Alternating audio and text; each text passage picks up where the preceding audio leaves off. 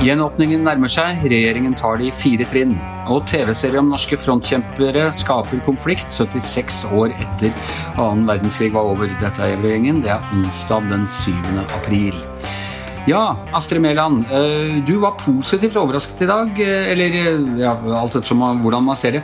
Regjeringen gikk lenger i gjenåpningsoptimisme på pressekonferansen i dag enn det du hadde trodd. Er det riktig å si? Det stemmer. Allerede neste uke Anders, så legger det jo an til faktisk eh, lettelser i de nasjonale tiltakene. Og det vi hadde fått høre på forhånd, det var jo det som prega min overraskelse, var jo at eh, nei, det blir lite konkret, og det blir ikke mye å juble over og sånt. Men så eh, legger det jo altså an til at eh, Bent Høie, helseminister, allerede 14. april skal avvikle en god del av de her strenge strenge tiltakene som vi fikk eh, før påske, vet du, når, eh, når oppgangen begynte igjen. Og Det betyr jo da, kan jeg tenke meg, at det blir tilgang til skjenking igjen i i Kanskje ikke hele landet, da, men på Nesodden, i Rindalen. Ikke der du bor, Anders, men vi andre kan jo ta oss en pils. Og når Astrid da understreker det, så er det fordi vi sitter her med Hans Petter som bor på Nesodden, og, og du som holder til i, Rindalen. Hvor, hvor langt må jeg kjøre for å få meg en øl? Og holder det til å dra til Viken? Nei, Viken er jeg litt skeptisk på. altså Det er ikke sikkert det blir på Nesodden. Vi kan ikke ta gledene på forskudd der, for det er jo litt uh, mye smitte der òg. Men uh, håpet til regjeringa er i hvert fall å komme tilbake til den normalsituasjon, eller hva de kaller det, før de innførte de strenge tiltakene der. Så Det betyr jo f.eks. at man sikkert vil åpne for å ha flere enn to på besøk eh, ganske fort da, neste uke, da sikkert. og avvikle de aller strengeste landsomfattende tiltakene. Men som de understreker igjen og igjen, det kommer an på smittetallet. og det er ikke slik at um, det er sikkert at de lokale tiltakene uh, lettes overalt. og Det er da typisk Oslo og Viken da, sant, som får, sikkert må beholde dem. Er de på linje med helsemyndighetene ellers her, eller er det sånn at regjeringen nå er litt ivrigere etter å gjenåpne enn det f.eks. Folkehelseinstituttet eller Helsedirektoratet her? Godt spørsmål. Nå har jeg sittet og snakka om det her på VGTV i hele dag, så jeg har ikke fått rakt å lese nå gjennom underlaget som har kommet. Det har jo kommet mange hundre sider med råd fra Helsedirektoratet og FHI i forbindelse med den gjenåpninga. Og vi har jo egentlig ikke begynt å snakke om gjenåpningsplanen ennå her nå, Anders. For det som er den virkelige gjenåpninga, sånn som FHI ser det, det er i slutten av mai. Da kommer det regjeringa kaller for trinn to. Det er en slags firetrinnsrakett som Erna Solberg eh, skisserer her. da, At i slutten av mai så kommer liksom den ekte, ordentlige Begynner vi på gjenåpninga. Og så skal vi vente i tre uker og se hvordan det går. Og så skal vi eh, eventuelt da åpne ja, det blir nå i midten av juni, det da, kanskje. Spørs når du har startpunktet. Og så skal vi vente tre uker igjen, og så skal vi åpne. Så det eh, kan bety utenlandsreiser allerede i juni-juli, hvis det her slår til. Ja, Hans Petter Kjøle, du har jo engasjert deg for uh, ungdommen i denne saken. Du sa at vi burde prioritere russen bl.a. Ved, ved vaksineringen. Jeg ser at barn og ungdom nevnes først i trinn to.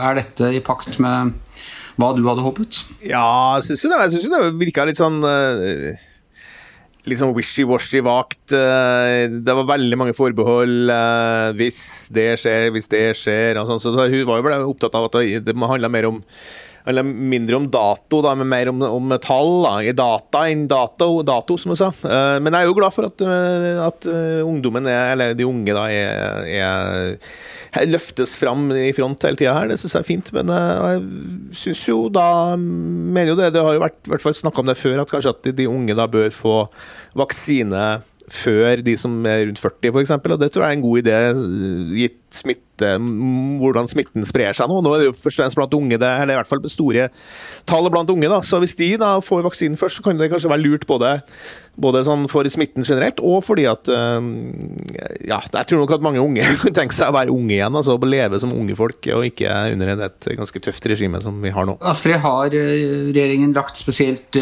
vekt på de unge? Er det sånn at de, det ser ut som de lettelsene når dem litt tidligere enn man egentlig, hvis man bare skulle strengt tenkt smittevern, ville fått det? Ja, altså det er jo, som Hans Petter er inne på, sikkert godt smittevern i å eh, stenge for de unge, fordi eh, de er så aktive, de har så mange kontakter. Eh, så det hadde vært bra å vaksinere dem først. Men absolutt, i den planen her så er det barn og unge først. da. De åpna i trinn to, som er den egentlige gjenåpningsstarten for idrett for barn, og for at flere barn kan møtes. Og så kommer liksom voksenidretten og voksenhobbyene etter etter hvert. da, ikke sant? Sånn at det, det, er fortsatt sånn at barn og unge eh, prioriteres. Og det er jo særlig det å åpne videregående skoler, åpne høgskoler, åpne lesesaler og holde skolene åpne, barnehagene åpne, som er liksom det aller viktigste, ser du. Som i hvert fall for um, Folkehelseinstituttet. Og de har fått med seg de andre etatene og regjeringa på det, ser det ut som. Det er veldig mye vis om at det dersom at det her er dette egentlig Betyr dette egentlig noe som helst? Er det liksom bare et uh, slags uh, vimpel de kan heise nå? Så høres det hyggelig og det høres ut som gjenåpningen står for døra. Så kan det hende at om to uker så sier de nei, smittetallene gærne veien. Uh, Groundhog Day. Våren er utsatt med tre måneder til? Ja, i fjor høst, eller etter sommeren, så har vi jo en gjenåpningsplan etter den harde nedstenginga i fjor, som de laga. Og i oktober så skjedde det at de eh, åpna opp samtidig som de stengte ned. For da krasja smittetallene sammen med gjenåpningsplanen. sånn at eh, da ble resten av gjenåpningsplanen avlyst. Og det kan fort skje nå. det, ikke sant? Eh, blir det 1500 smitta hver dag, så blir det jo ikke noe utepils eller innepils i mai, kan ikke se for meg. Men vi har jo en ekstra, ekstra triks i skuffen den gangen her. Da. Det er jo de her vaksinene. Har ikke dem i fjor. Så mer og mer som blir vaksinert, så mindre og mindre eh, smitte blir det jo. ikke sant? Det hjelper jo etter hvert på, på smittespredninga av den vaksineringa. Uh, eh, Hans Petter, har du noe tro på at du kan ta deg en halvliter på signalen neste uke? Se, se over fjorden til den vakre byen Oslo? Nei, jeg har ikke det. Uh, og det er jo veldig synd, da, fordi det har jeg gjort flere ganger under pandemien her, mens det har vært stengt i Oslo. Jeg Sitte der og kose meg med en, uh, med en uh, tiki-drink og en øl, et glass vin og en fireretters middag, selvfølgelig. Og sett over fjorden her og sett på hvor trasig dere har hatt det inne i Oslo, da. nei, jeg tror ikke det. jeg tror... I Oslo-bobla? Ja. Altså, Viken, eh, som jo er et gigantisk uh, fylke, da, som jo Nesodden er en del av, uh, selv om vi ligger så å si midt i, rett ved Oslo, er jo også veldig, har høye smittetall. og Også ute på halvøya her har det vært ganske mye i siste, særlig blant unge. Så jeg har ikke noe tro på at det blir noen åpning her neste uke, nei, dessverre. Men får nå virkelig håpe at det begynner liksom at, at vaksine, vaksineringa får et utslag etter hvert. Sånn som vi ser f.eks. I, i Storbritannia, sånn som der, hvor, der smittetallene har gått kraftig ned. altså etter vaksineringa. Og det begynner jo nå. Jeg gikk gjennom noen tall her nå før vi møttes her nå. Så, sånn som en liten kommune i Norge som Utsira, som er kanskje minste, en av de minste kommunene i Norge, der er jo 60% nå fått første, første stikket. Og i min gamle, gamle hjemby Steinkjer også, så er det nesten, nesten borti 25% som har fått første stikk nå. Jeg fikk beskjeden her i at mine foreldre skal få i morgen. Så at vi har jo begynt å komme et stykke, da. Og det betyr jo at Og, og nå skal vi få enda større større dose, eller flere doser fra utlandet, fra Pfizer og Moderna, og, og, og så kommer den Jansen etter hvert. nå, så, så, man får jo tro at det vaksinetempoet øker ganske kraftig framover. Og da, det betyr jo da, folkens, i all tristessen at det er ikke så veldig lenge før vi kan begynne å oppføres normalt og drikke pils på signalene, og kanskje også til og med på Aker Brygge. Vi er rett og slett litt sånn i aprildagene 1945, kan du si. Det er eh det er ikke tvil om at eh, Vi vet ikke akkurat når den tyske kapitulasjonen kommer, men vi vet at den kommer. Ja, altså, men du har jo det, det jo det som Erna sier Osloberg også snakka om, det, det mutasjonene som er liksom den der, tingen som er veldig skummelt, da, som, som, vi også ser i andre andre deler av verden. Uh, som er en sånn uh, outlier her, så, så, vi veit jo ikke. Men jeg har jo virkelig på følelsen hvert fall at, at vi er nå er vi, vi, vi, altså vi, er på oppløps, vi har vært på oppløpssiden en stund, men nå begynner vi å nærme oss målstreken. og det er merker jeg at jeg blir ganske opprømt av. da. Når jeg dro denne her med, med, krigen, så var ikke det for å lage den usmakelige sammenligningen, det var for å bygge en bro over til neste innslag. Eh, om serien Frontkjempere, som er eh, om de norske ja, Ikke bare frontkjemperne, men de som, det er vel de som eh, kjempet i elitedivisjonen SS. altså Waffen SS, ja. Waffen SS, Som da var, var ja, den militære, militære grenen av, av de tyske elitestyrkene. Avla sverget troskap. Var det til Quisling eller til Hitler de, de sverget uh, troskap? Og eh, i alle år etter landssvikoppgjøret har vært bitre over at de ble stemplet som landssvikere. De, de kjempet for Norge, mener de. De kjempet mot kommunismen. Stalin var på 30-tallet en like stor trussel som Hitler. Og ja, de føler at de ikke er blitt hørt. Nå kommer denne serien som i hvert fall i innsalget skulle se tingene litt fra, fra også fra deres side. Men den er blitt møtt med massiv kritikk bl.a. fra de historikerne som selv deltar i serien som en slags korrigerende stemmer til, til det intervjuene med, med disse gamle SS-soldatene.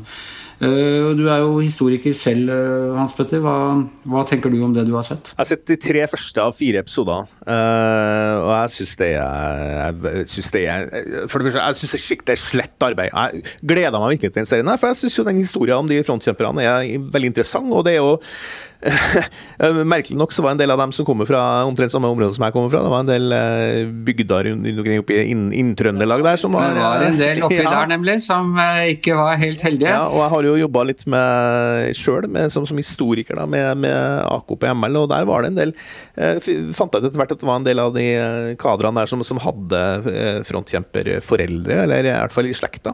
Så jeg har vært ganske mye borti den problematikken, da, og jeg syns jo det er kjempeinteressant. og jeg, jeg husker jeg sa når jeg så så den første, uh, første traileren til det programmet kom, uh, så ropte jeg til sønnen min, som også var interessert i historie, ja, nå kommer det en serie av Frontkjemperne, det skal vi se sammen, det skal bli interessant. Og sånn. Og så kommer, får vi sett det her, da. Og det første, før jeg vil rekke å se et minutt av det her, så legger jo Terje Embeland, som er en av de historikerne som uh, deltar i programmet, ut en, altså en, en post på Facebook der han slakter kutte hele greia og si at han vil ikke, heretter vil ikke, vil ikke ha noe med produktet å gjøre. Eh, og sånn, og Da ba jeg ham selvfølgelig om å skrive en kronikk i VG om det, men så tok det litt tid. Så skrev han da en litt mer avdempa, men, men skarp kronikk sammen med så, såpass forskjellige stemmer som Lars Borgersrud og Arnfinn eh, Moland, som, som, jo vanligvis står litt på hver sin side i, i krigshistoria.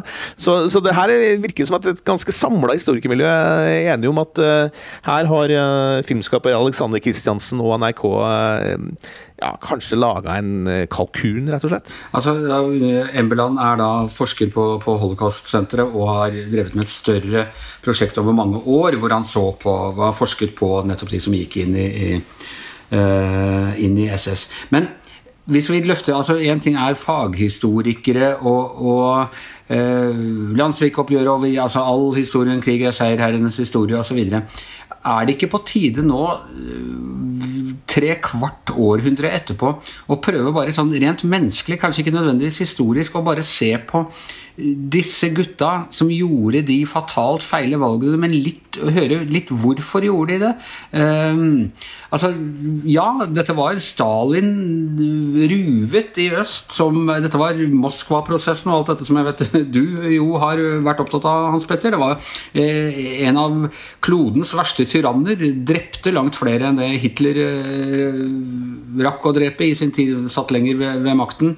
Eh, selvfølgelig. Men, men eh, at noen i den situasjonen eh, Hvis du er 19 år gammel og kommer fra en bygd i Trøndelag og er redd for kommunisme, tråkke feil? Er det ikke interessant å høre hvorfor de gjorde det? Jo da, og det er derfor jeg sa at jeg gleder meg til å se serien også. Og det har jo vært fortellinger om det her, eller vært kjent veldig lenge. det her. Det var jo, eh, For noen år siden så kom jo Ola Flyum i NRK Brennpunkt ut med en, en, et program da, om han Olav Tuff, som jo var, en, var, trønder og frontkjemper. Et kjempesterkt program eh, hvor, hvor, han Tuff forteller om forferdelige ting som skjedde på østfronten, blant annet man brente folk levende og sånn. Eh, så det, men, men det, så det her og det kom en roman på 80-tallet om en annen en av de som er mest synlige i serien, nemlig han Wolfgang Vindingstad. Eh, så, så det her er ikke noen nye historier. Det, er, det, er, det kommer fram absolutt ingenting nytt i den serien her. Og jeg har rett og slett litt problemer med å forstå hva det er eh, filmskaperen og